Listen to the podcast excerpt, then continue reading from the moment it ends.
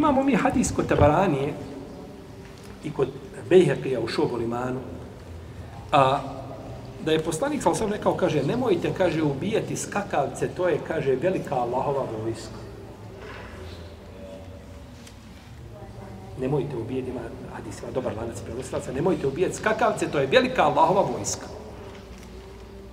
Pa je došla zabrana ubijanja čega? Ovo se odnosi na to da se ubijaju bez razloga.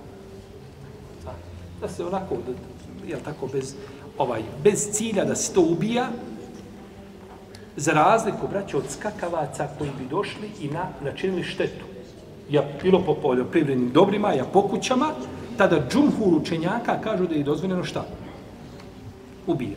Ali moraš to, jel tako, prikriti da ne znaju to organizacije jel, koji, koji vode računa o pravima životinja, da budu da prave, da vode, o, da vode dio ovaj te pažnje o, o muslimanima i o, i o sirotinjama i, i, i o sirotinji i o ne znam o bespravljenima i tako dalje.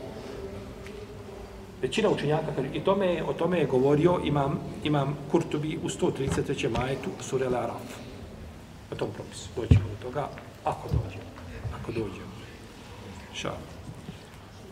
Kaže, a, imam Kurtobi ovdje u Surel Araf, kaže i kaže Ehlul Fik, kaže učenjaci Fika, svi kažu da je dozvoljeno priješ se skakavaca ako šta? Ako čine štetu. U protivnom, to ne treba činiti. Ono kako se ne, ne smije oni ubijeti, Allahu alem, da, da ispravnije više ne smiju se ubijeti vatrom, paljenjem. Ponekad životinje imaju neke, kažu meni kakve, ovaj, pojave se nekakve ovaj, insekti koji, koji su na, na, na poljoprivrednim dobrima, kažu, može samo to uništiti, ta bakterija što nose, što imaju, čime? Paljenje. Nije problem. Pošpricaj ga, neka umre i onda ga spale. Nije spor. A nemoj ga paliti šta?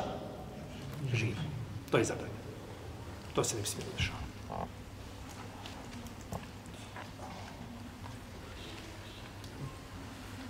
I onda treba muslimane neko učiti. Čemu? Rahmetu. Treba nas niko učiti rahmetu. Mi rahmeta imamo dovoljno da ga podijelimo i drugim ljudima, da ih, da ih poučimo rahmetu. Šta je rahmet u osnovi? Međutim, ovaj, kako je ružan taj rahmet koji je ispunjen licemjerstvom.